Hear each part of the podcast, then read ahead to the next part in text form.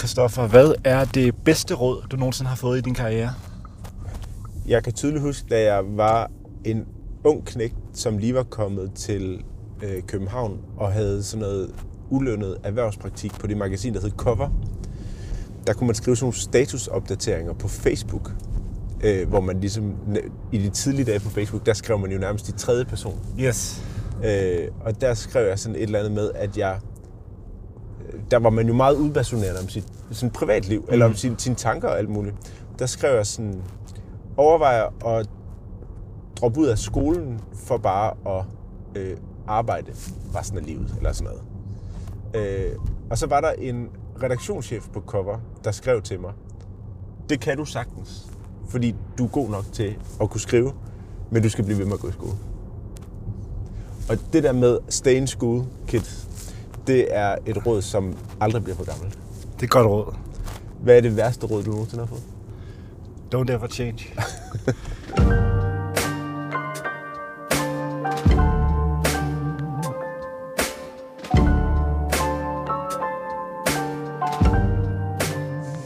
Christoffer, der, øh, der er en lytter, der kommenterede et billede, jeg havde lagt op på Instagram. Ja.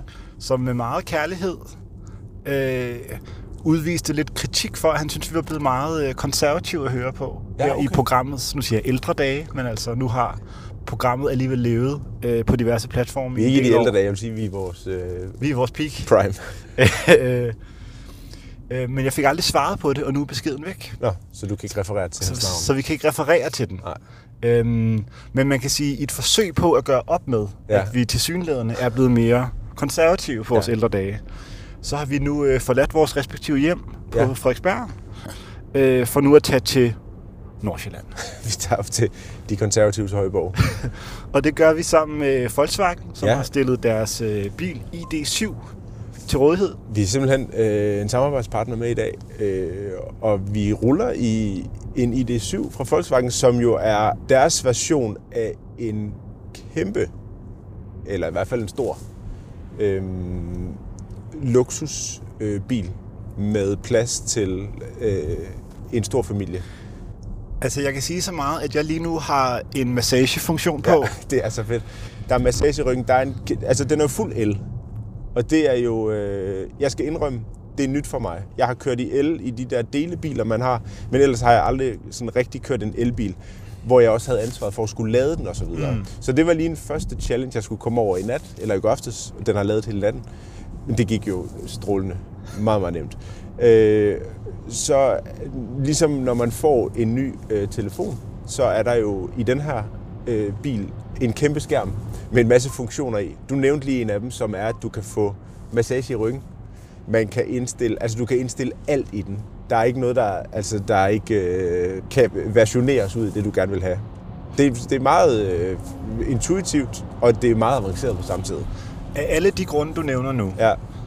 formoder jeg, er den blevet kåret til årets business car. ja, det er årets business car. Øhm, hvis det ikke øh, skinner igennem på den beskrivelse, du lige har leveret, så øh, er der øh, ret god komfort. Der er relativt god komfort. Og det derfor tænkte vi også, ja. At nu øh, ergonomien er i top, komforten er i top, så skulle vi ud af vores øh, vante rammer, Mm. som hovedsageligt øh, hvad hedder sådan noget, begrænser sig til København og deromkring. Nu Ja. skal vi øh, lidt nord for København. Ja. Vi skal op til Rådvad, sige. Ja, hvor vi skal snakke med Jesper Götz. yes.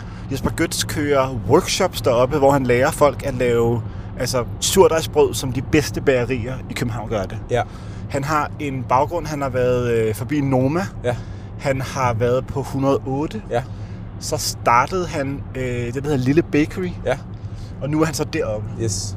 Så øh, vi kører nu på Lyngby Motorvejen, Ja. på vej op til Rødved. Har du været på Rødved før? Øh, jeg, jeg har været til sådan en øh, rund fødselsdag Ja. på Rødvad Kro engang. Det er et ekstraordinært smukt sted. Vi kørte lige forbi en fartkontrol, og ved du hvad den bedste følelse i verden der? Det er, når man ikke kører hurtigere, end det man må, og man kører forbi en fartkontrol. Jeg bliver så glad hver gang, fordi jeg har fået så mange fartbøder i mit liv, og jeg er begyndt bare at køre langsommere, for jeg gider ikke betale det mere.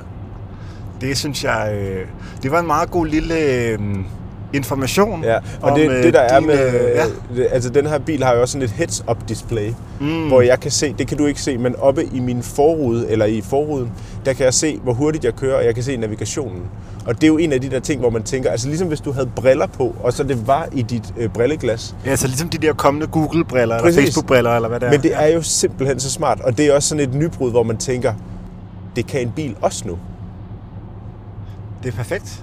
Det er Jamen, som at øh, køre rundt i en, øh, et, et rumskib. Høje på øh, fornemmelsen af at have sparet, jeg ved ikke, 1100 kroner i fartbøde. Ja, Øh, vintersol, som vi kører i. fantastisk vejr i dag. Og, øh, og øh, glæden ved at glæde sig til, at vi skal op og øh, opleve noget nyt. Og kan vi egentlig også øh, løfte sløret for, at det her jo ikke bare er en one-off med øh, VV og ID7. Det er også... Øh, der kommer en serie af episoder, Det er rigtigt. hvor vi ikke bare er i København, fordi vi netop øh, skal ud og optage med nogle ret interessante mennesker, hvis jeg skal sige det selv, på nogle adresser, der ligger øh, lidt væk fra byen. Det er en serie i serien. Det er en serie i serien, det her. Og det her er del 1. Det her, det er lidt. Fedt. Jamen, øh, skal vi ikke bare åbne mikrofonerne lidt igen, når vi er landet på Ja, Rødved? lad os gøre det. Perfekt. Det er godt.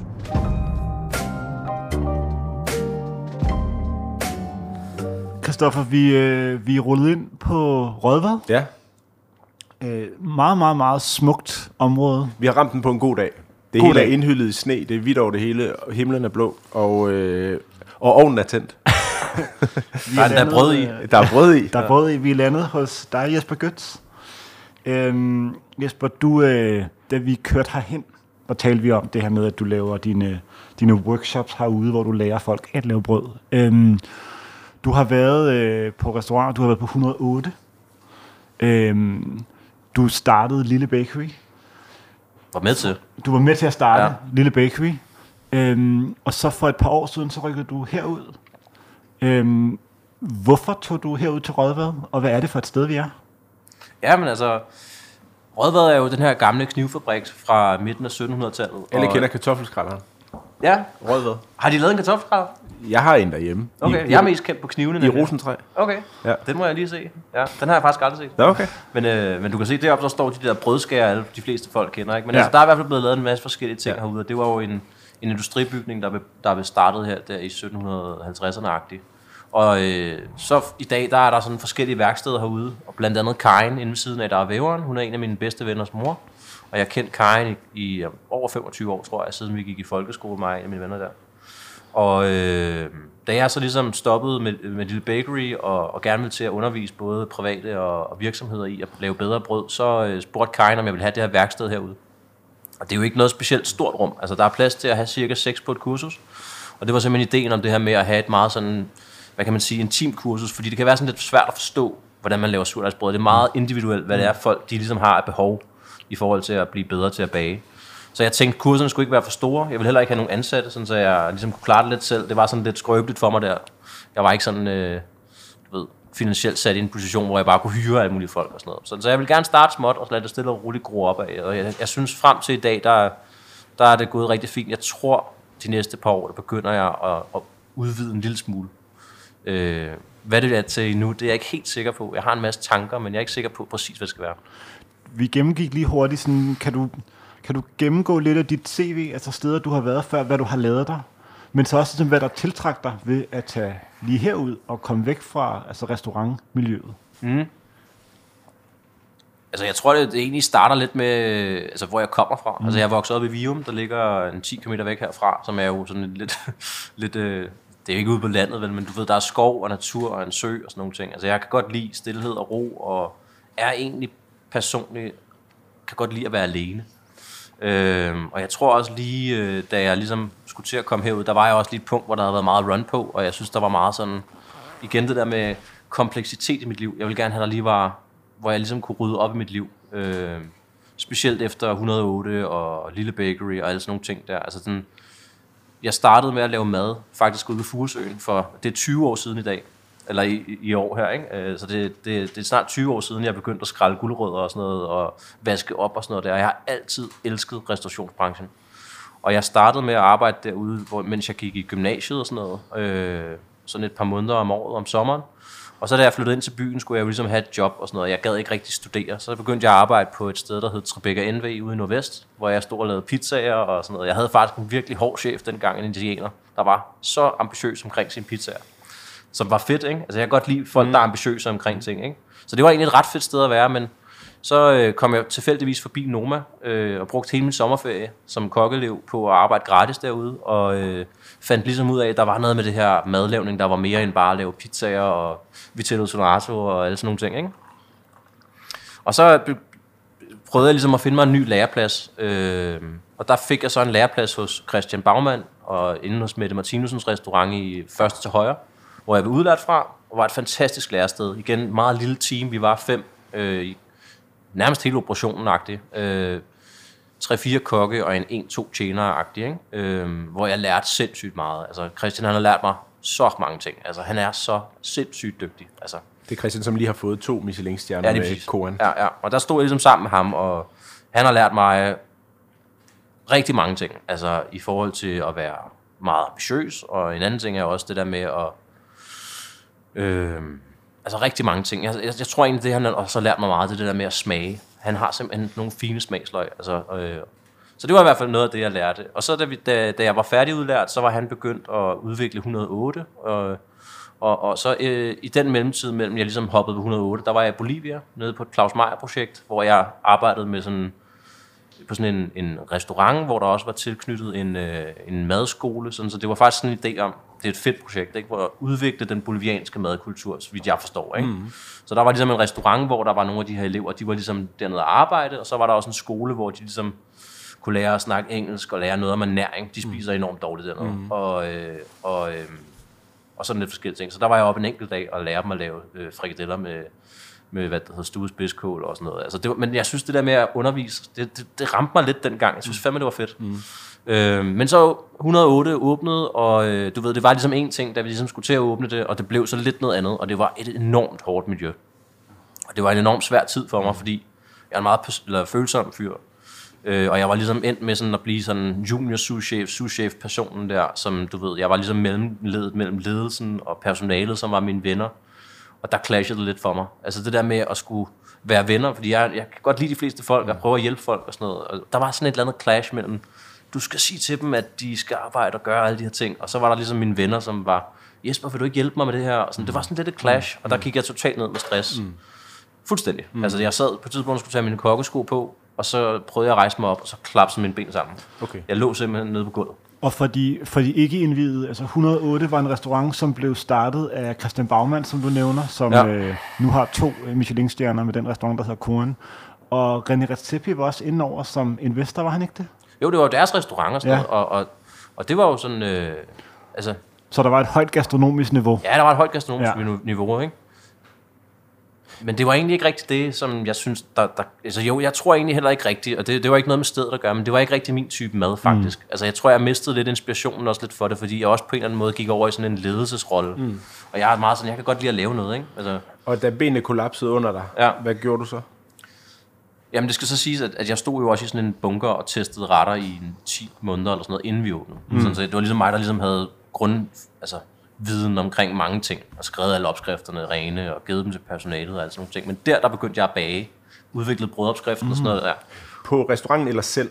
Jamen, det, var, nej, det var simpelthen til udviklingen af menuen. Ja. Så, øh, så kom jeg til at råbe højt på tidspunkt og sige, jeg vil gerne stå for at lave brødopskriften. Så skal det fandme også være godt, sagde de så, ikke? Og hvor, hvor, hvor, hvor velbevandret var du i brød før Jeg, det? havde, altså, jeg vidste ikke noget om det. Okay. Altså, jeg var sådan helt lost. Ja. Og sådan, øh, det, det, hvad er det nu? Det er 8, 8 år siden, mm. eller 9 år siden, og sådan noget. Og der, der tog jeg så forbi Batting, eller Boys Brød i gamle dage, mm. ude i Ordrup. Mm. Han var ligesom den eneste, der, eller ikke den eneste, men en af dem, der lavede øh, noget rigtig sejt brød dengang. Og da jeg kom ind i det der bageri dengang, der var jeg sådan, det her det er sgu et miljø, jeg godt kan lide. Og når du siger, du tager forbi, hvad betyder det så? Jeg ring- spurgte dem, om vi måtte komme, og så mig og en af mine kollegaer fra Noma, som også, han var pastry chef på Noma, vi tog der så forbi en, en anden dag, og, og var med et par timer, eller to dage, tror jeg faktisk.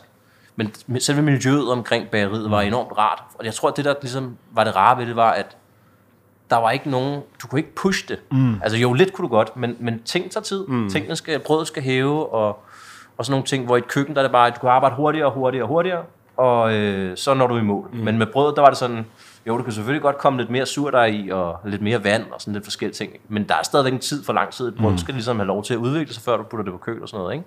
Eller bager det, ikke? Og der tror jeg så, at efter 108 der, der, øhm, der var jeg faktisk ude at rejse. Jeg sad på en strand nede i Thailand, og sådan øh, prøvede ligesom lige at få ro på, ikke? Og der sad jeg og kiggede ud af vandet, og bare tænkte sådan her, hvad er det egentlig, hvad er det egentlig, der gør mig glad? Altså, øhm, sådan, øh, sådan meget sådan eksistentiel-agtig måde. Og så lige pludselig slog det mig, jeg kan godt lide at bage brød. Jeg kan også godt lide at lave mad til mange mennesker. Mm. Jeg synes også, jeg var begyndt at fokusere på at lave mad til få mennesker. Vi var sindssygt mange mennesker og meget få gæster. Mm. Og ja, det var, da jeg startede nede ved Furesøen i gamle dage, der lavede vi mad til 6, 7, 800 mennesker. Øh, og du ved, den der glæde, man giver ved mange mennesker, mm. det tror jeg egentlig var meget mere det, der tændte mig, mm. end, end at lave mad til få. Og så tænkte jeg, jeg tror, jeg bruger mine ressourcer, mine evner på at lave mad til mange mennesker. Og det var det, der var tanken bag Lille Bakery. Det var det der med, hvordan kan vi bruge brødet som et centrum til at lave billig mad. Mm.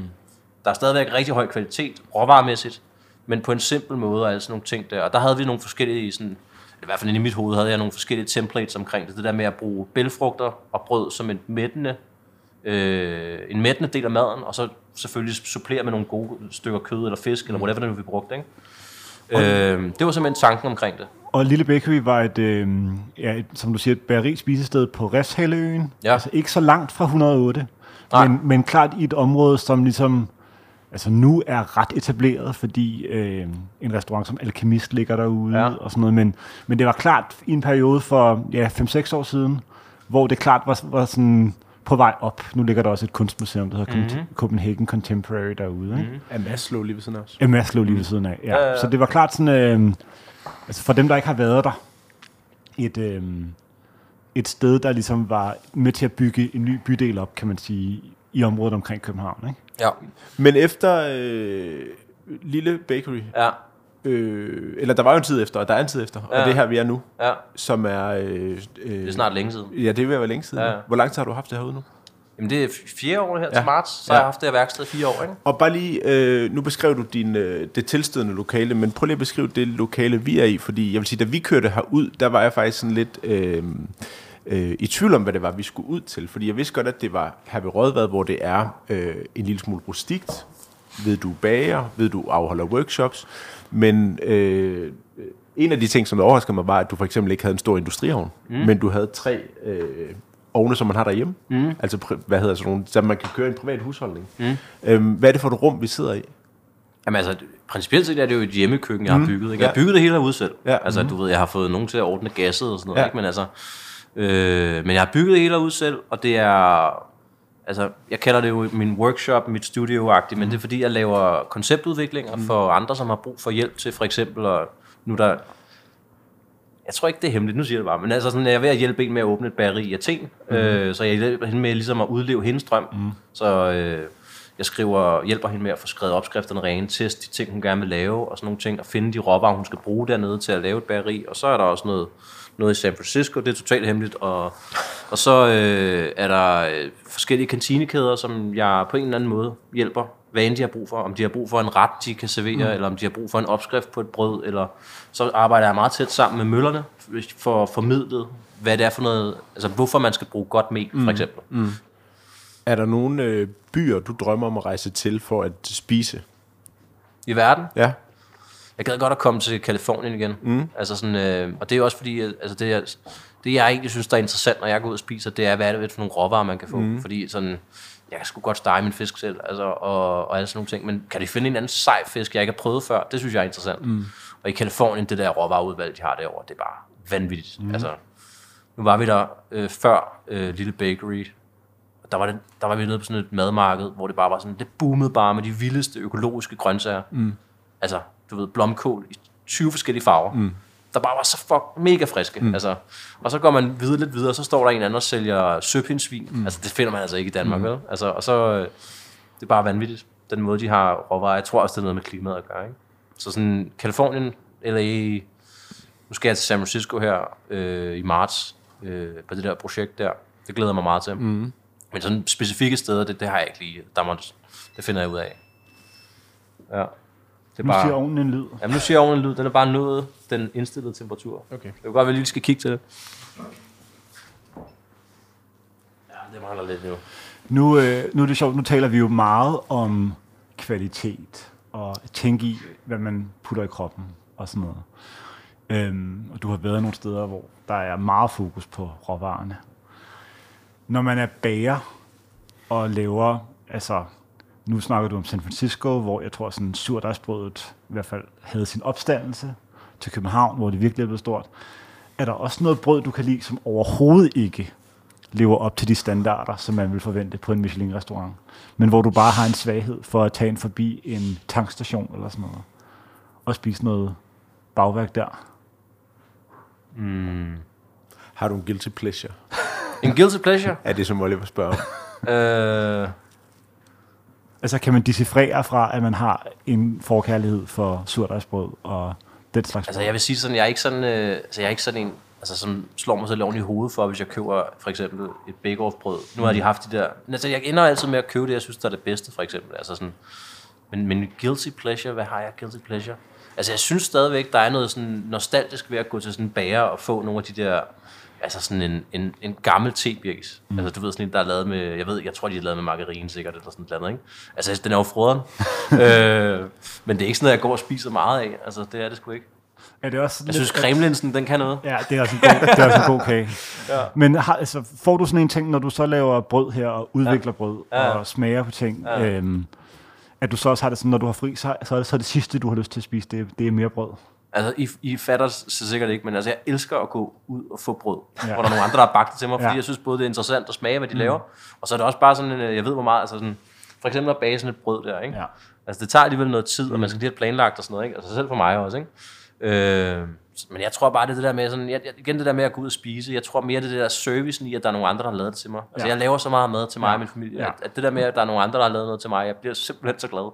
Har du et foretrukken brød i København? Altså lige nu, der bor vi på, jeg bor nede ved Sønder Boulevard, og der, går vi, der har vi brugt, vi har gået rigtig meget på brød øh, mm. på Ingehavplads. Øh, deres brød er meget rustikt, mm. og så går jeg også meget på øh, Københavns Bageri.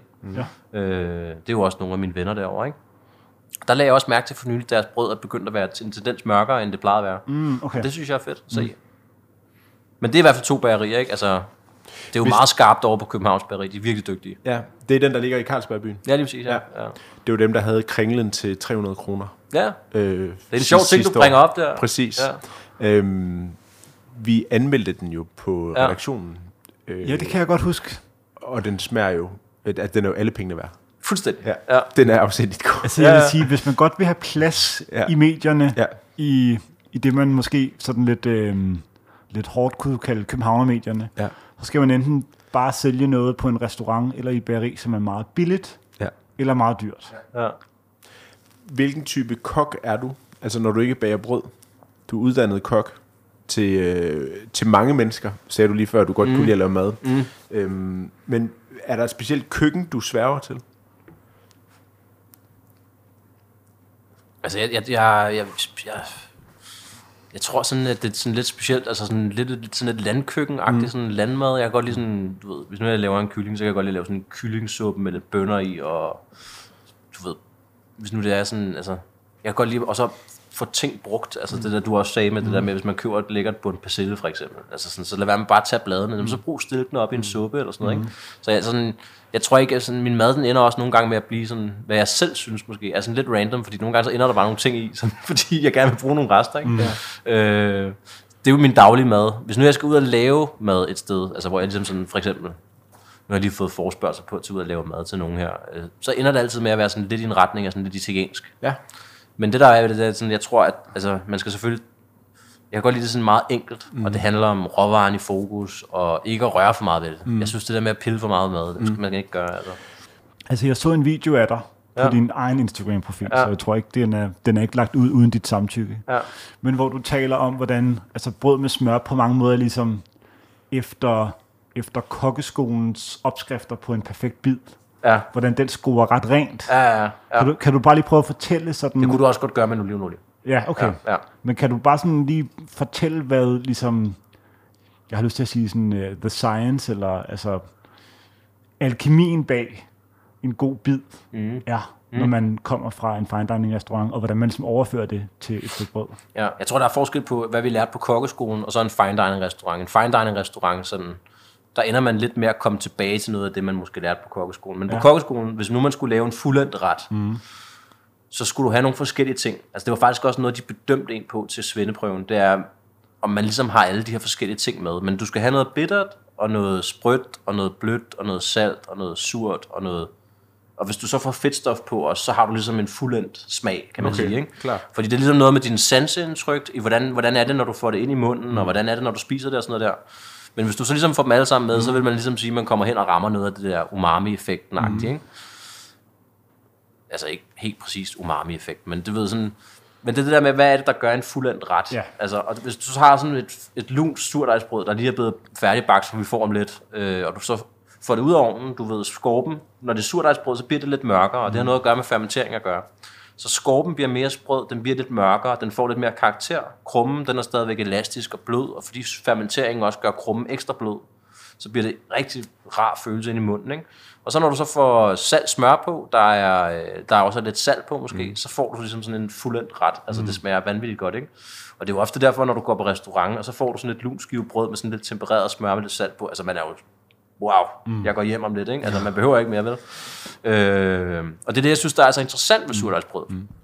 Der er, Eller brød generelt, ikke? Fordi det er sådan, hvis nu du skal løfte en eller anden småkedelig ret op til det næste niveau, hvis du så laver et, et lunt skive rigtig godt brød, ikke? På, så, kan, så, så er der... Øh, så Må du lang vej. Må jeg lave et lille callback her? Ja. Som jo er for en måneds tid siden, så øh, besøgte vi Andreas Bag, der har en restaurant, der hedder Ambra inde i byen. Ja. Og han talte om, at de, øh, de har en forkærlighed for noget, som jeg selv lavede til øh, vores nytårsaften. Som er en snack, som er en kartoffelchips. Mm. En kartoffelchip er det vel, når der kun er en af dem. Øh, med en, jeg tror det er 38% creme fraiche på, Ja. og en lille skefuld kaviar på. Ja. Og der rammer du jo også den der blanding af noget salt, af noget Sprødt. sprødt, øh, og den der blanding ja. af det hele. Ikke? Mm. Øhm, så jeg synes, øh, jeg kan godt lide ideen om, at, at, at brød med smør på en eller anden måde også kan blive altså en fuldendt bid. ja. Og forklare, hvorfor det er så tilfredsstillende. Ja. Men hvis du faktisk går tilbage sådan og kigger på mange af de ting, man spiser, ikke? altså hvis der er noget, der bliver rigtig godt, så hvis du sidder og kigger på det, så sidder du og tænker, wow, der er faktisk alle de der ting. Ja, altså, ja. Du ved, øh, Et stykke pizza for eksempel. ja, et stykke pizza, sprød skorpe, saftig midt, øh, der er lidt fedme på, måske lidt, der er rimelig meget salt på også, ikke? Og, sådan, Syre fra tomaterne. Ja. Ja, ja. Ja. og så er det jo der, hvor man skal passe på, at det ikke bliver sådan noget designer øh, Ja. food, ikke? Altså, hvor det er sådan noget, der prøver at fange dig ind. ja. Jeg ved, der er mange... Skal jeg altså lige kigge til brødet her? Ja, men jeg kan godt se, at du sidder og triver lidt for, øh, det ikke, skal, det ikke skal forsvinde ud af hænderne på dig. Nej, det gør det ikke. Ej, hvor er det flot. Det ser meget flot ud. Altså, det er jo synd, to, at... to minutter mere. Ja, okay.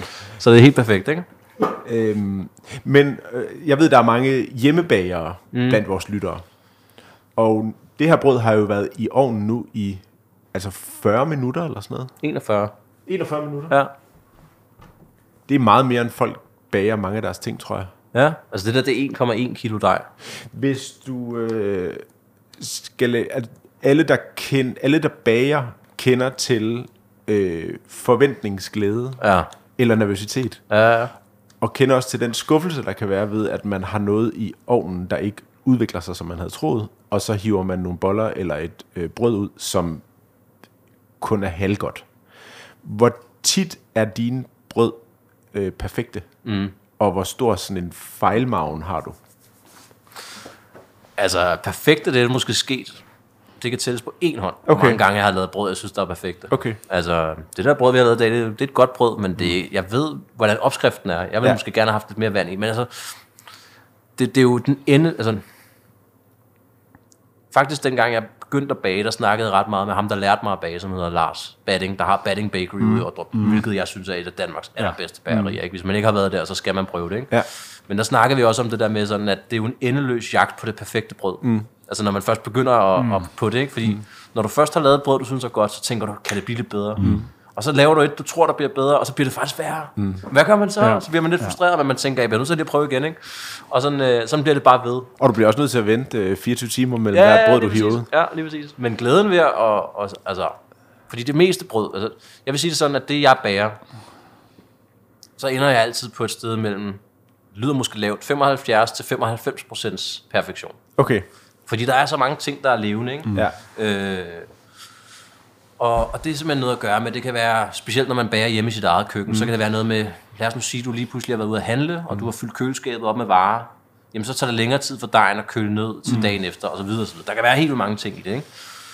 Øhm, men, men den der ting der, men et perfekt brød, det kan jeg næsten tælle på, på en hånd, hvor mange gange. Altså, jeg kan huske det. Altså, Er det jeg, rigtigt? Jamen, jeg kan huske, altså, jeg havde været ude på Lille Bakery, og jeg elskede det der job derude. Ikke? Mm. Det var sådan en forårsdag, det var den der sommer, hvor det var brandvarmt. Ikke? Mm. Og du ved, jeg havde døjet lidt med, at dejene overhævede lidt. Og så, Fordi det var for varmt. Ja, fordi det var for varmt. Ja. Ja. Ikke? Jeg skal lige prøve det ovnen. Det er en cliffhanger Ja, det er for en historie. cliffhanger. Ja. Det skal lige siges til alle øh, lytterne derhjemme, at du... Øh, ja, en god lyd. En god lyd på det. Godt brød. Skal lige have lidt tid ikke, til lige at stå. Det skal Nu lige skal stå. det lige hvile. Altså man kan sige, en ting, som, som på, på nogen måde giver sig selv, men som jeg samtidig synes, man skal have med som lytter, det er, at du tager trods alt øh, handsker på, når du tager brødet ud. Altså, jeg har nogle gange en fornemmelse af, at nogle kokke har fået så, altså, øh, så, så slidte hænder, at de kan nærmest tage på alt varmt, og bare, altså, uden at det gør ondt. Ikke? Mm. Der bruger du trods alt stadig handsker ja. til at tage et surdejsbrød. Altså, jeg har ændret mig lidt i forhold til den der hardcore kokke-ting, der er derude. Mm. Altså, jo, det gjorde da ondt i gamle dage. Jeg rørte der også ved, du ved, brandvarm. øh, Hvis der var en gang, jeg skulle mærke, om en frityreolie var varm, så stak jeg lige fingeren deri. ikke? Altså, Okay. sådan, ja, ja. Altså, sådan, så, sådan nogle dumme ting har jeg lavet, fordi man lige skulle være lidt macho Ja. ja. Altså, og jo, jeg brændte mig jo ikke rigtigt, men det gjorde da nas. Ja. Altså, sådan, Ja. det gider jeg sgu ikke mere. Hvis, Men- det, hvis det bobler og syder på fingeren, så ved man, at olien er, er varm. vi, vi var i gang med at høre om det perfekte Ja, brød på ja. den perfekte dag på Lille Bakery. Ja, ja, ja. men det var en ret speciel dag. Jeg er ret sikker på, at det var en dag i juni. Mm.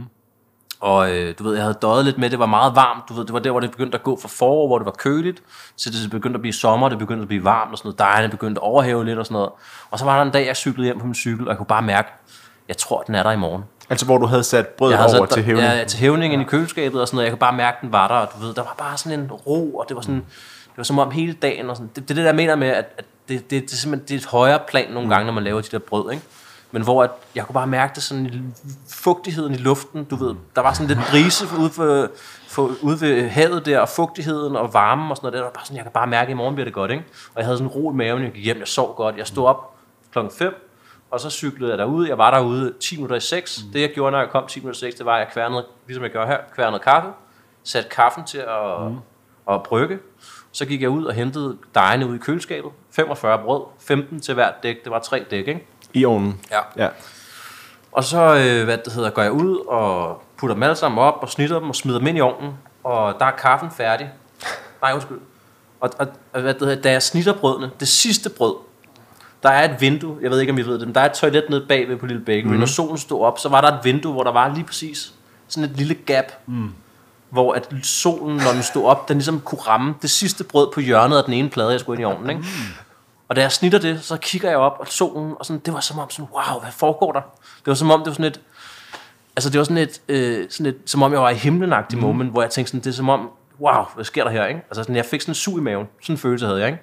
Og så kaffen er færdig, jeg skubber de sidste brød i ovnen, og så stiller jeg mig med min kop kaffe, og de første 10-15 minutter, der hvor brødet ligesom hæver op, der stod jeg med min kaffe, og solen den ligesom sådan begyndte at stå lidt op, og der er helt stille.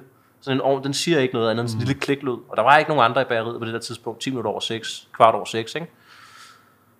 Og så begynder alle de der brød at hæve, og de er bare alle sammen, i min optik, perfekte. Altså de var bare, de sprak på den rigtige måde, de hævede op flot, og de fik karamellisering på det rigtige tidspunkt, og da jeg tog dem ud, sådan, det var bare sådan, jeg var simpelthen så glad. Mm.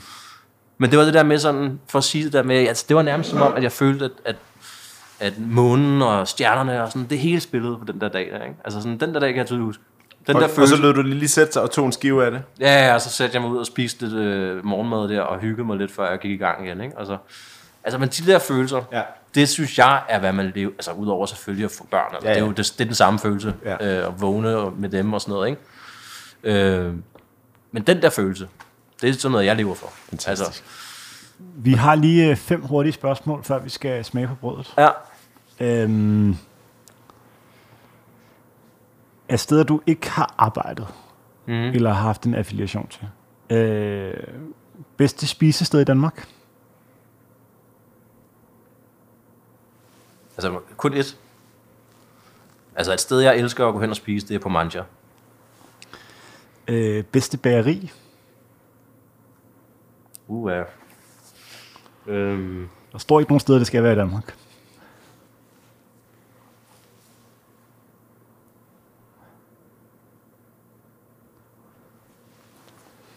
altså, det er jo svært. Altså, kommer det an på kager eller på brød? Du må definere Okay. spørgsmålet ud fra dit svar.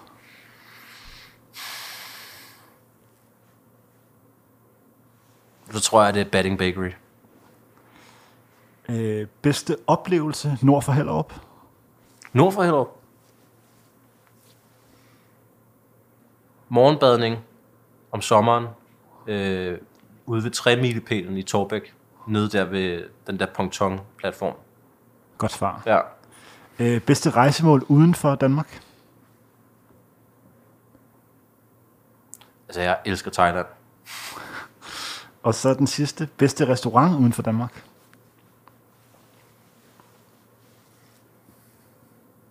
Der var en restaurant i Lima, der hedder Maido. Sådan en japansk, øh, peruviansk restaurant. Det var virkelig godt. Kan du huske en særlig ret, du fik der? De lavede sådan en ceviche, der bare var vanvittig god. Men sådan, du ved, sådan lidt japansk-agtig inspireret, mm. ikke? Så det var sådan, den var præsenteret på en japansk måde, men smagte meget sådan peruviansk. Er det nu, vi tager en øh, skive brød, og så går til overvurderet Ja. undervurderet? Skal vi gøre det? Aftale.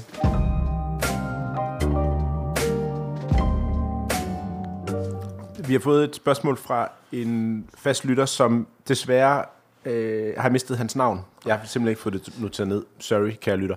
Han spørger, øh, Jesper, Oliver og jeg var i Japan i øh, oktober for at optage arbejdstitel. Og øh, så skriver han, i forbindelse med jeres Japan-tur, er det jo helt naturligt at spørge om det danske Shibuya-kryds, altså krydset ved Skelbækgade og Dybelsgade, som ligger op ved Dybelsbro station, som han gerne vil køjne øh, det danske Shibuya-kryds. Okay. Øh, om det er overvurderet eller undervurderet. Personligt er jeg stor fan og synes, det er mega undervurderet. Og også lidt ærgerligt, at der ikke er flere, som kalder det Shibuya-krydset faktisk. Håber, I kan hjælpe med en afklaring. Det har jo været lagt for rigtig meget had, det kryds, fordi det har været så kaotisk. Det er det, han gerne vil høre. Ja, så det er det, der ligesom går fra, når man går fra, fra, fra kødbyen op mod fisketorvet, ikke? Ja, ja. Og lige før du kommer op til Dybelsbro station, Ja, okay. hvor, øh, hvor cyklerne skal i mange forskellige retninger. Timing er jo eminent, fordi Jesper, du bor på Vesterbro. Ja, ja. Det var også derfor, jeg tog det med. Stærkt. Ja. ja. Så er du, så er du det rigtige ja. menneske. Altså, jeg vil sige, det var... Altså, jeg ved ikke, om man kan kalde det overvurderet eller undervurderet, men det var et lortekryds. Før det blev lavet om. Nu er det blevet lavet om. Ja, fordi de har lavet det om til noget for, for anden Ja, nu eller virker det meget tredje godt. gang nu. Ja, nu virker det meget godt. Ja. Men der er, øh, vi- jeg snakkede faktisk med nogle andre om en, en bummert. Altså den der bro fra øh, Inderhavsbroen. Mm. Det var en kæmpe bummert. Ja. Og det der kryds, det var en bummert. Mm. Men de har fået rettet op på begge ting. Det er meget godt. Jeg synes jo, det siger noget meget fedt om altså København og størrelsen på København. Altså, vi har flere gange sagt det der med, at København er verdens mindste storby. Og der er noget meget fedt i, at, at der er så kort fra altså kødbyen, som på mange måder ligesom er en eller anden form for centrum for det moderne København, og så Fisketorvet, som på en eller anden måde er øhm, samlingspunkt for folk, der ikke nødvendigvis, altså også kommer til uden for København. Mm. Og at de to, altså, at der er så kort fra hardbageri i Kødbyen til øh, Kvint-butikken i øh, fiske, på Fisketorvet, i Fisketorvet, Fiskebyen. øh, synes jeg siger noget om, hvor, hvor småt og alligevel sådan, hvor avanceret København er. Mm. Altså, jeg, jeg er aldrig der. Altså, jeg er, jeg er aldrig der. Mm. Øhm, men jeg har nogle gange løbet ture, mm. hvor jeg løb ligesom, altså, over Islands Brygge og mm. tilbage igennem byen. Mm. Og det er bøvlet at løbe der, synes jeg. Der er for mange mennesker. Mm. Øh, så jeg synes, øh, jeg synes godt, det kunne være gjort mere elegant. Ja. Men det, er, det er korrekt vurderet, fordi jeg tror ikke, der er nogen mennesker, der kan lide at opholde sig der. Nej, det er en god pointe. Øhm, ja. Har I været ved det der Shibuya-kryds? Jeg har ja. ikke været der. Ja, ja. Vi var der sammen. Okay, var det fedt, eller hvad? Øh, Fedt. jamen, er det fedt at være på Times Square? Det er fedt. Ja, det er jo fedt på sådan mange en mennesker, stor, storbyagtig måde. Ja, Ja. det er jo Det sjovt at lidt, se. øh, Ja.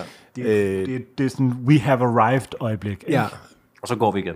og så Ja. går vi igen. Ja. Og så, så altså, du kan jo krydse Shibuya-krydset, altså ikke det danske, som vi kalder det fra nu af, Ja. men det japanske, altså diagonalt, hvilket jo er, altså, så du ikke behøver at gå øh, Ja. i firkanten, men du kan krydse på tværs, ikke? Altså, vi Men kun den ene vej. Kan man i Shibuya-krydset i Japan, kan man det flere veje? Ja, der, altså, der forestiller jeg mig, at der stopper al trafik jo, og så kan, du, så kan alle fodgængere okay. gå. Det kunne være meget svedigt at se, hvad der skete, hvis man gjorde det ved det der kryds. Det tror jeg ikke, danskerne kan styre. Nej. Det tror jeg bliver for meget frihed. Ja. Der bliver du nødt til at have noget kontrol. Øh, Er der mere kontrol øh, i Danmark end i Japan? Der er mere, øh, jeg vil sige, japaner er... Der er nogle, noget æreskodex og nogle æresbegreber i Japan, der gør, at folk de opfører sig ordentligt i offentligheden. Okay. om folk går ikke over for rødt. Danskerne vil ikke kunne styre det Folk stiller overhovedet. sig jo i kø. At der vil gå tre dage, så vil der være tre mennesker, der var døde, øh, fordi de blev kørt ned i Danmark. Altså, i lyskrydsene stiller folk sig i kø i Japan. Ja. Sådan at man ikke ligesom går ind foran, Ja. ja. når man kommer til sidst, før Ja. det bliver grønt. ja. Øh, så de kan godt finde ud af det. Jeg tvivler også på, om danskerne kan finde ud af det. Øhm, Svarede vi ham øh, korrekt, eller ja, hende? ja. Hvad sagde, du? Oliver, du sagde korrekt vurderet. jeg sagde korrekt, jeg sagde, jeg sagde, jeg sagde korrekt det. Ja. Øh, jeg fik en fra Bertil, Ja. øh, men jeg har tilladt mig at, øh, at, at, at, at omformulere den lidt. Fordi han spurgte om altså, at eyebole mængden af vaskemiddel, i stedet for at bruge hætten. Jeg synes, det blev lidt smalt. Men jeg synes, det var, det var, det var en god overgang til sådan, altså, kunsten at eyeballe. Altså, Altså, tag ting så- på øjemål. Tag ting på øjemål. Det er jo meget oplagt at Og spørge jeg synes, dig, det var Jesper, meget oplagt. er... Mm. Der, er, der er jo forskellige altså, former for øh, tilgang til mm. det, men, men altså at eyeballe, altså at, øh, hvad var det for et udtryk, du lige brugte? Altså, øh, øh, mål ting, Øhm, øjemål. At måle ting på øjemål, ja. Rettere end at gøre det på følge opskrifter. altså, vægt ja. ja. eller følge en opskrift. Mm. Det at måle på øjemål, mm. er det overvurderet eller undervurderet? Og det kan være i alle livets henseender. Altså, nu er det jo, handler det lidt om baning, ikke? Jeg synes, man skal passe på med at eyeball for meget, når man laver brød. Mm. Øh, men jeg synes godt, man kan eyeball, øh, hvor meget sæbe man kommer i va- vaskemaskinen. Mm. Jeg vil så sige, nu har jeg været ret meget hjemme, mm. fordi jeg lige er blevet far og vasket ret meget tøj og sådan noget. Altså sådan, så er jeg faktisk begyndt at bruge hætten. Okay. Fordi jeg tænkte sådan, fordi jeg var også sådan en, gik rundt sådan og vaskede ret meget, så tænkte jeg sådan, måske er det egentlig meget smart at sådan, ligesom veje det lidt af, sådan, så jeg ikke render rundt og bruger enten alt for meget eller for lidt. Øh, men jeg har ikke tænkt så meget over det. Jeg synes måske, det er... Men nu er de jo begyndt at lave nogle nye nogle, hvor man sprøjter. Okay. Har du ikke set dem? Hvor der er lukkeventil den anden vej, hvor man så ligesom bare sprøjter. Så skal man eyeball. Nå, så, okay, klart. Det, var, det er jo nærmest en helt ny, ikke? Jamen, hjemme hos os, der øh, står jeg for køkkenet, og Louise står for tøjvasken. Okay. Så jeg vasker ikke tøj. I bliver nødt til at komme med nogle vurderinger. Jeg vil gerne sige, ja. at jeg går igennem livet som med et stort øjemål. Altså, jeg måler aldrig ting af. Mm. Aldrig. Hverken i, øh, på opskrift eller opskrifter eller mangel på samme i køkkenet. Øhm, det er meget sjældent, jeg tæller noget, eller måler noget, eller får noget til at passe ind i en kasse. Øh, det er ikke så god til. Det er, det er meget sjældent, at jeg har sådan kvantitet på mine ting. Det har jeg rigtig meget. Eller kvantificering. så hedder jeg det tror faktisk måske, jeg synes, det Ja, er, du er jeg synes, det, det er godt, øh, godt vurderet. Du ja. synes, det er overvurderet? Nej, nej, det-? Okay. Nej, jeg synes... Jeg, Nej, undervurderet. Har du, ikke- så er du ikke det normalt vurderet? Ah, det, jo, okay. Altså, jeg synes, det, jeg synes, det er okay at eyeball den, men jeg ved ikke, hvordan skal man svare på spørgsmålet? Jeg synes, det er overvurderet. Ja. Jeg synes, Jeg det synes, overvurderet. man skal shoot sig frem. Du synes, man skal shoot sig frem? Ja. Men, men, nu siger jeg bare et andet spørgsmål, ikke? Ja. fordi jeg går nogle gange og arbejder meget med det der med sådan, hvad sker der, hvis vi laver en lille ændring, mm. så gør det meget for mange, ikke? Mm. Og så man, alle eyeballet og komme for meget i. Men det er jo fordi, dit job består jo i at følge opskrifter, fordi du ikke kan bruge 24 timer på at lave et, øh, et brød, som ikke må gå galt. Ja. Eller som går galt. Det kan du jo ikke. Du bliver jo nødt til at følge en opskrift. Ja, ja. Det er også derfor nogle gange, det er interessant at se opskrifter, hvis vi lige springer fra opvaskemiddel til, øh, til, hvad hedder det, til øh, brød og mel, hvor der står sådan noget, øh, du skal bruge 345 gram mel og 19 gram gær og sådan noget. Ikke? Altså det, det, det får jeg jo nærmest knupper over at læse, de der mm. opskrifter. Fordi det, det er så præcist. Ja. Det kan slet ikke styre. Der synes jeg, at det er et udgangspunkt. Men, men det er et udgangspunkt. Ja. Okay, måske kan man komme tilbage til at sige, okay, det er et udgangspunkt. Ja, det, Det, måske er det cool. Ah, oh, altså det, det er godt at eyeball. Eller hvad siger? Ja, altså, øh, altså, nu er det jo ikke min plads at svare, men jeg vil give et eksempel, som er, jeg, jeg, jeg har lavet mange Negronier, som er, altså for de ikke indvidede, en tredjedel Campari, en tredjedel gin, en tredjedel rød vermouth. Altså det, det er meget nemt at måle op, altså, men jeg gør det aldrig. Altså det er altid på øjemål. Hvis jeg skal, hvis jeg skal købe noget, der skal samles, så prøver jeg altid at samle det, før jeg kigger på vejledningen. Altså jeg driver min kæreste til vanvid, fordi jeg ligesom tror, at jeg lidt kan styre alting selv. Så altså, jeg forstår, og især tror jeg i baning, altså der, der kan du næsten ikke overlade noget til øh, tilfældighederne, hvis man skal ramme et godt resultat. Jeg tror også, det er derfor, jeg ikke er god til det. Altså der kan jeg bedre lide sådan, hvis man laver mad, mm. eller laver en bolognese eller andet. Man kan smage sig frem. Måske vi faktisk kommer frem til, at det er lidt overvurderet at bruge kapslen til at være. Fordi Jeg synes- man kan sige sådan, outcomeet, om du lige kommer øh, 40 ml, 45 ml Ja. ja. sæbe i, er lidt ligegyldigt Ja. for outcomeet. Måske mm. du, jeg, jeg vil give dig ret, det er overvurderet. Okay, så fik jeg Okay. okay. på den. Ja. Du fik ham over på din side, Christoffer. Yes. Øhm, den næste, det er Lasse, der spørger. Og jeg synes, det er et spørgsmål til tiden, fordi jeg ser flere og flere gå op i det, dyrke det. Er kosmetiske behandlinger, såsom filler eller hårtransplantation, overvurderet eller undervurderet? Åh, oh, fuck, det er et godt spørgsmål. Det er Lasse, der spørger. Altså om det er overvurderet eller undervurderet, Ja. og, og få, det, få det lavet, Og få lavet kosmetiske øh, operationer. Eller behandlinger. synes jeg er på vej over det politiske. Som vi lovede dig, at det ikke ville blive det her. Altså, jeg synes, øh, hvis man skal gøre, hvad man har lyst til. Mm. Altså, jeg kan, ikke jeg, kan- jeg kan ikke lide fornemmelsen af et stigma. Mm. Altså, som er, at man skal lave det, og så skal man skamme sig over det. Mm. Det skal jo nok... Altså, jeg har egentlig på fornemmelsen, at det ligger et okay sted. Mm. Altså, jeg har... Øhm, nogle har hørt historier om det der med, at i Korea, mm. der er det altså en kæmpe procentdel af især kvinderne, tror jeg, måske også mændene, som har fået lavet kirurgiske indgreb. Altså, hvor det nærmest bliver normen. Mm. Men der er vi jo ikke i Danmark. Altså, jeg har egentlig en fornemmelse af, at det for de fleste ligger et sted, hvor de... Altså, jeg tror ikke, vi er ved at skabe en usund kultur omkring det. Mm. Øhm,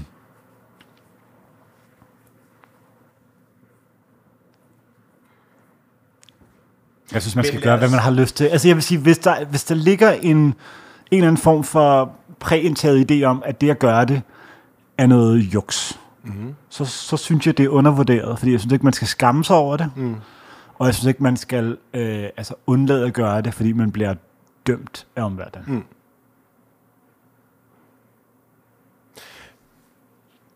Men hvis man for eksempel har... Øh, jeg synes godt, jeg kan have sådan ten, lidt tendens til tunge øjenlåg, mm. eller sådan, de falder ned over, eller hvad man siger. Det ville jo i princippet også være et kosmetisk indgreb, hvis ja. jeg fik øh, hævet dem, eller hvad det ja. hedder. Men det tror jeg også, jeg vil... Det vil jo være noget, som jeg egentlig ikke vil skamme mig over, fordi jeg får det gjort, og så Ja. synes jeg, at jeg ikke ser lige så træt ud, som jeg normalt gør på billeder. Ja. Præcis, det kan, det kan jo blive et problem for mig. Men men det er jo også nærmest, det synes jeg nærmest har sådan en funktionel betydning. Ja, ja. Hvor der er noget, som har en æstetisk betydning for nogen, og så kan man så vurdere, om den æstetik er, er god eller dårlig. Øhm, men jeg, jeg er ret splittet på det faktisk, mm. fordi jeg synes, det, det jeg, jeg, jeg ser lidt mere end dig måske, Oliver, at der er flere og flere, der gør det, og der er også flere og flere yngre, der gør det. Mm. På sådan en måde, hvor jeg er sådan lidt, det er sgu ikke så nice, synes jeg. Jeg synes, det er overvurderet. synes, Jeg tror, min, jeg tror, min holdning til det er, at jeg synes, hvis folk, øh, folk skal have det godt med dem selv, ja. jeg synes bare, at det skal passe på med, at det bliver noget, hvor de kopierer nogle andre, fordi de gør det. At det bliver sådan en eller anden ting, hvor sådan, fordi hende der, øh, de der Kardashian eller sådan noget, det, gør de ikke sådan noget? Det er jeg ret sikker på. Øh, jo, det tror Så, jeg så, godt. Det tror jeg øh, godt, ja, ja, formodet. Ja, ja. Altså fordi man sidder der som, som 16-årig Ja, pige, så er tænker man, at jeg skal nu skal jeg til at prikke mig i læberne, eller sådan ja. et andet, fordi jeg gerne vil have store læber. Så synes jeg, det begynder at blive lidt sådan en, en ting, hvor det måske ikke er, det er lidt begyndt at blive sådan lidt en markedsføringsting, Ja. ja. efter at ligne noget, så synes jeg, det er lidt et problem. Men hvis det nu er sådan, at man gerne lige vil strammes lidt op i huden, eller whatever det nu er, altså man har det godt med det, og det er det, der gør en glad, så synes jeg, at man skal gøre det. Altså, jeg er enig med dig i det, fordi jeg synes, nogle gange så har vi sådan en egen fortælling om, at ungdommen har nogle enormt gode værdier. Og de går meget op i klimaet, og Greta Thunberg er sådan en ungdomsstemme. Og nu, nu gør jeg noget på øjemål, for jeg ved ikke, man, jeg vil tro, at Greta Thunberg har måske 30 millioner, måske 10 millioner, måske 20 millioner følgere på Instagram. Altså, Kylie Jenner har 800 millioner, eller sådan noget, ikke? Og hun flyver i privatjet alle vegne, og får lavet plastikoperationer øh, i en meget ung alder. Altså jeg tror, hvis det er pointen, som jeg godt kan købe, så tror jeg godt, at man kan formode, at der er mange flere, der kigger på hende som et øh, Ikon. ikon, end de unge med sundere værdier. Så ud fra den iagtagelse, så er jeg enig i, at hvis det bliver et modefænomen, så er, det, så er vi ude på et skråplan, og så er det helt klart også overvurderet. Ja. Jeg tror ikke, man har fat om, om, om problemets rod ved at gøre det for at få det bedre. Nej, det har du helt ret i. Jeg tror, man skal kigge et helt andet sted. Øh, vi skal lige ned på jorden igen. Ja. Øhm, Fra privat Hvad endte det på? Over over- eller undervurderet? jamen, altså for mig, så bliver det... Jamen, altså, jeg, Jeg synes, det er overvurderet. Hvad siger du? Jeg... Altså, jeg tror, jeg, jeg vil sige det sådan her, personligt, mm. så er det overvurderet. Godt. Jeg, jeg, jeg tror for mig, så jeg gider ikke at være i den der rolle, hvor det er sådan noget med, du ved, du er perfekt, som du er. Øh, altså, fordi hvis man gerne vil lave noget om, så synes jeg, man skal det. Mm. Altså, man kan godt, hvis, hvis man bliver gladere, mm hvis man har tunge øjenlåg eller et eller andet, og, øh, eller går og er ked af, at man har en rynke i, i kinderne, så synes jeg simpelthen, det er for, net, det er for let købt bare at sige, du er perfekt, som du er, eller et eller andet. Men, altså, men det, er jo man lidt også som selv at købe vælge. en, det er jo lidt som at købe en ny bil, fordi man tror, man bliver gladere. Men det gør man jo det- okay, ikke. men det det er ved jo jeg- inde i dig selv. Det ved jeg ikke om, nå, men det, det ved jeg faktisk ikke, om det passer. Eller det ved Det synes jeg faktisk, du er ikke er rigtigt. Nej. Altså, sådan, jeg vil sige, efter jeg har fået en bil, det har gjort mit liv meget nemmere. Jeg har kunnet nå mange ting. Jeg Ja, har kunnet tilbyde flere ting til mit, øh, til mit, øh, til mit, øh, til mit øh, community, eller hvad man siger, ikke? Altså, fordi jeg har tid til nogle flere ting, ikke? Altså, hvis nu det er, du får det, nu det, fordi, altså, personligt, det er derfor, jeg synes, det er vigtigt. Jeg har ikke brug for, for det, tror jeg. Det tror jeg heller ikke, jeg kommer til. Men hvis der er nogen andre, der har brug for det, for at kunne leve i den her verden, og kunne bidrage med mere, fordi mm. de kommer mere ud, eller gør et eller andet, så super, øh, så gør det. Øh, men, men personligt, nu ved jeg, er ikke helt sikker på, hvad det koster, vil jeg ikke synes, det var værd at bruge pengene på. Så jeg vil synes, det var overvurderet. Jeg vil så sige, at nu er jeg blevet øh, i midten af 30'erne, og jeg kan godt, altså, det er ikke nogen hemmelighed, jeg, jeg er sådan langsomt, men sikkert ved at miste håret på toppen af hovedet. Mm. Og jeg ved ikke, hvad der sker den dag, hvor jeg ikke længere ligesom kan lade være med at ignorere det. Men og, jeg, og der vil jeg da også sige, det kan da godt være, at der er nogle, øh, nogle muligheder for at lave en, altså nu ved jeg ikke, om I ved, hvem fodboldtræner... En Wayne Rooney. Ja, altså Antonio Conte, den tidligere italienske fodboldspiller, Ja, han fik som lige nu har, altså, meget hår. han er meget hård, ikke? Ja. Jeg tror muligvis, han har det bedre med sig selv, når han kigger i spejlet, Det kan godt være. og har forbedret sit liv på det. Det kan være, at jeg skal tage det op til revi- revidering. Ja. Øhm, Det var et hvordan godt, folk de går rundt det var et godt bud, fordi det splittede øh, befolkningen. befolkningen. Ja, præcis. Vi er befolkningen. Øh, så har jeg en her. Øhm, så du, du bestemmer, om det er den sidste. Okay. Øhm, Mathias vil gerne vide, og jeg ved ikke, om han bad om et råd, men så er det nok for sent nu. Men Mathias spørger, er det overvurderet eller undervurderet at spørge det bedste podcast i Danmark, det ved jeg ikke, hvem er, men altså, om råd til at besøge Milano? Tak for et, en over middel podcast forresten. Så altså at spørge sin yndlingspodcast om råd til, hvor man skal tage hen i Milano. Det, jeg får fem beskeder om ugen. Ja. Til Milano specifikt, Øhm, eller til ja. alle mulige bøger? Okay. Øh, Milano, øh, Rom, Ja. øh, New York. Mm, okay. Jeg linker bare til den guide, der ligger inde på Euroman, Ja. som jeg har skrevet Ja. til de forskellige byer. Det er ret nemt. Jamen, det, det skal de bare spørge om. Mm. Det er undervurderet. De kan også bare google det. Mm. Guide Rom Euroman. Yes. Så ligger den der. Eller Milano. Ja. Det er frit tilgængeligt.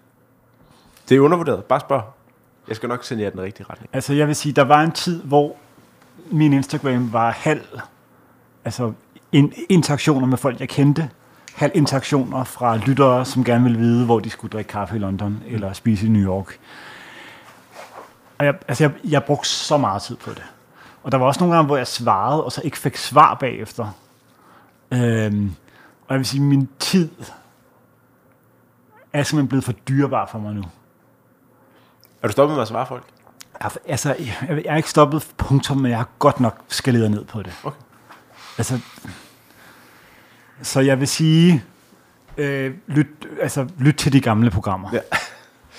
Og så øh, gør, som Eva Rambøl siger. Altså, gå ind på et autoværksted. Eller Spørg dem, hvor de spiser. spørg dem, Ja. jeg kan ikke huske, hvad hun sagde, men una tra- trattoria, mm. per favore, eller noget i den stil. Nu myrdede jeg den udtale, men skulle ud til Eva Rambøl. Øh, men altså, spørg dem, hvor, hvor, man skal spise henne. Retter i nogen, der laver en podcast. Mm. Øh, for deres og din egen skyld. Okay, så har jeg den sidste. Yes. Det er Boris, navn. som øh, gerne vil vide, om det er undervurderet eller overvurderet at synge fødselsdagssang højt på en restaurant.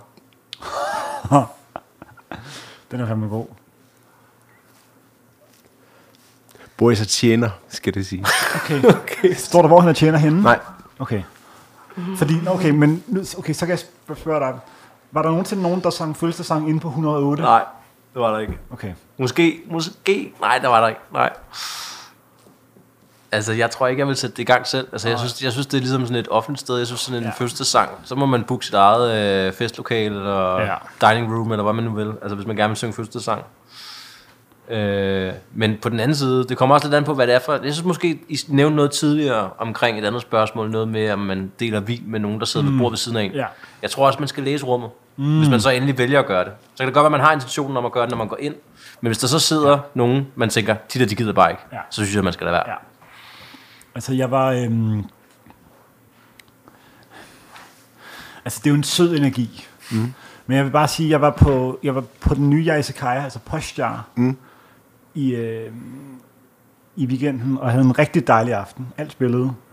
Øhm, men nede i hjørnet af restauranten, ikke så tæt på os, der sad et bord af sådan fem mænd, der, der bare tydeligvis talte for højt. Og jeg kunne ligesom, altså jeg kunne en gang imellem høre dem ud af mit øre, og så kiggede jeg over, og så kunne jeg se, at de borgere, der sad omkring dem, tydeligvis synes de var irriterende. var det dansker? De var danskere, ja. Og havde fået for meget drikke. Hmm. Og altså, når jeg kigger på dem, så tænker jeg, hvor ville jeg hade, hvis det var mig. Mm. Altså, jeg hader at være til gene. Og jeg hader at være pinlig. Jeg tror, alle har prøvet at være lidt for fuld, og så bagefter tænker jeg, at jeg gjorde noget lidt pinligt. Mm. Altså, det er jo så pinligt. Og jeg vil sige, hvis det bliver sådan en, på sådan en måde, hvor det ikke er en børnerestaurant, hvor alting, hvor anything goes, men er sådan en, vi er så fulde, at, at vi har mistet situationsfornemmelsen. Og derfor synger vi for Tom, der er blevet 45. Så synes jeg, at det er vanvittigt overvurderet. Øhm, Jeg er enig. altså, så, altså, Jeg synes faktisk måske over, overordnet set, det er overvurderet. og det er et socialt rum, når man er kommet ind i en restaurant. Altså, jeg er, jeg er meget lydsensitiv. Jeg synes, det er meget irriterende, når folk larmer for meget, taler for højt, altså fylder for... Altså, man er der jo alle sammen i samspil, når man er på en restaurant. Mm. Og hvis man på en eller anden måde skider på de regler, fordi man synes, man bare selv er for fed, eller at man har fået for meget drikke og har mistet hæmningerne, så, øh, så har man simpelthen misforstået den opgave, der ligger i at dele et rum med andre mennesker. Mm. Og hvis det er det, vi snakker om, øh, så er det så vanvittigt overvurderet, at man faktisk også ligesom bør vågne næste morgen og tænke, det der, det gør jeg aldrig igen. Jeg tror faktisk, efter du siger det der, så Ja. tror jeg faktisk, jeg kommer tilbage til at sige, at det skal man ikke gøre. Det er overvurderet. Ja. Det skal du ikke. Det, det, det synes jeg ikke. Modtaget. Jeg har et tillægsspørgsmål. Yes. Lad os sige, at man er et selskab på øh, måske lidt flere end fem, for otte ja. mennesker. Hvad så med at holde en tale på en restaurant? Altså, jeg synes også, det er overvurderet, men jeg synes, det er noget af det, som jeg nogle gange godt, lidt kan savne. Mm. Altså, det er, øhm, det er meget ofte, når jeg ses med mine venner, så er det ude, af, altså ude i byen. Mm. Og jeg synes jo på en eller anden måde, at der er en stor... Altså, jeg, jeg elsker taler. Ikke, fordi jeg elsker at holde taler, men jeg elsker sådan ideen om mm. det. Der er en formalitet. Øh, der er noget tradition over det der med at holde en tale. Mm. Det er alt for sjældent, det sker. Eller måske er det lige præcis sjældent nok, så når det sker, så er det meget specielt. Ja. Øhm, til min 30-års fødselsdag, som var ude på Lille Bæk, Ja. øh, holdt min far en tale for mig. Mm. Altså, det er meget sjældent, at man får lov til, at nogen holder tale for en. Mm. Så jeg vil måske mere sige, øh, det er overvurderet, eller klart overvurderet at gøre det på en restaurant, synes jeg, lidt afhængig af igen, hvordan det er. Så synes jeg også, så skal man have lejet restauranten og ligesom kræve den plads, fordi man har restauranter for sig selv. Men at, men at øhm, altså, at holde på en gang imellem, skal man også se steder, hvor man enten har sit eget lokale, eller er hjemme hos nogen, mm. og så udnytte den situation Ja, klart. Men til, nu er det på til at holde en tale. Mm. Jamen det, altså, det, ble, det er bare overvurderet. Altså, jeg vil simpelthen synes, det, det var mangel på respekt for andre. i restauranten at gøre det. Altså man kan godt, jeg synes ikke, der er jo ikke noget i vejen for, at man øh, tager øh, en ske og lige slår på glasset, eller en kniv og lige slår, slår på glasset, mens man sidder ned. Mm. Men ideen om, man skal rejse, altså, man må ikke give hånden til nogen, mens man sidder ned, og man må ikke holde en tale for nogen, mens man sidder ned. Sådan er reglerne bare. Mm. Jeg har ikke lavet dem. Og jeg synes bare, hvis det handler om lige sådan at sige skål, jeg, jeg slår lige på, gla, på glasset, øh, tak fordi vi måtte være her i dag, eller tillykke med dig, fint nok. Men en rigtig tale skal altså foregå, mens man står op, og man udbringer en skål til sidst. Og det kan man bare ikke, hvis man deler et rum med en masse andre mennesker. Og et langt svar. Jeg er lodret uenig. Okay, Men tak for et godt afsnit. det er alt for sjældent, det sker, Kristoffer. Ja. Øh, Jesper, tusind tak, fordi vi måtte komme herud i dag. lidt. Det har Så været øh, en fornøjelse. Tak til Nina for at styre teknikken. Tak til Johan for at lave film og content. Tak for gode bud til overvurderet og undervurderet. Ja. Tak til øh, Asger og Peder for at øh, levere musikken. Tak til VV i det 7 for at fragte os herud. Det er rigtigt. Ja. Vi triller videre lige om lidt. I skal lige nå ud og gå en lille... Bare lige gå lige rundt i Rødvad. Ja, ja. Skal vi. Bestemt. Ja. Ja. Tak til Rådvad for at være her. Lad os blende ned.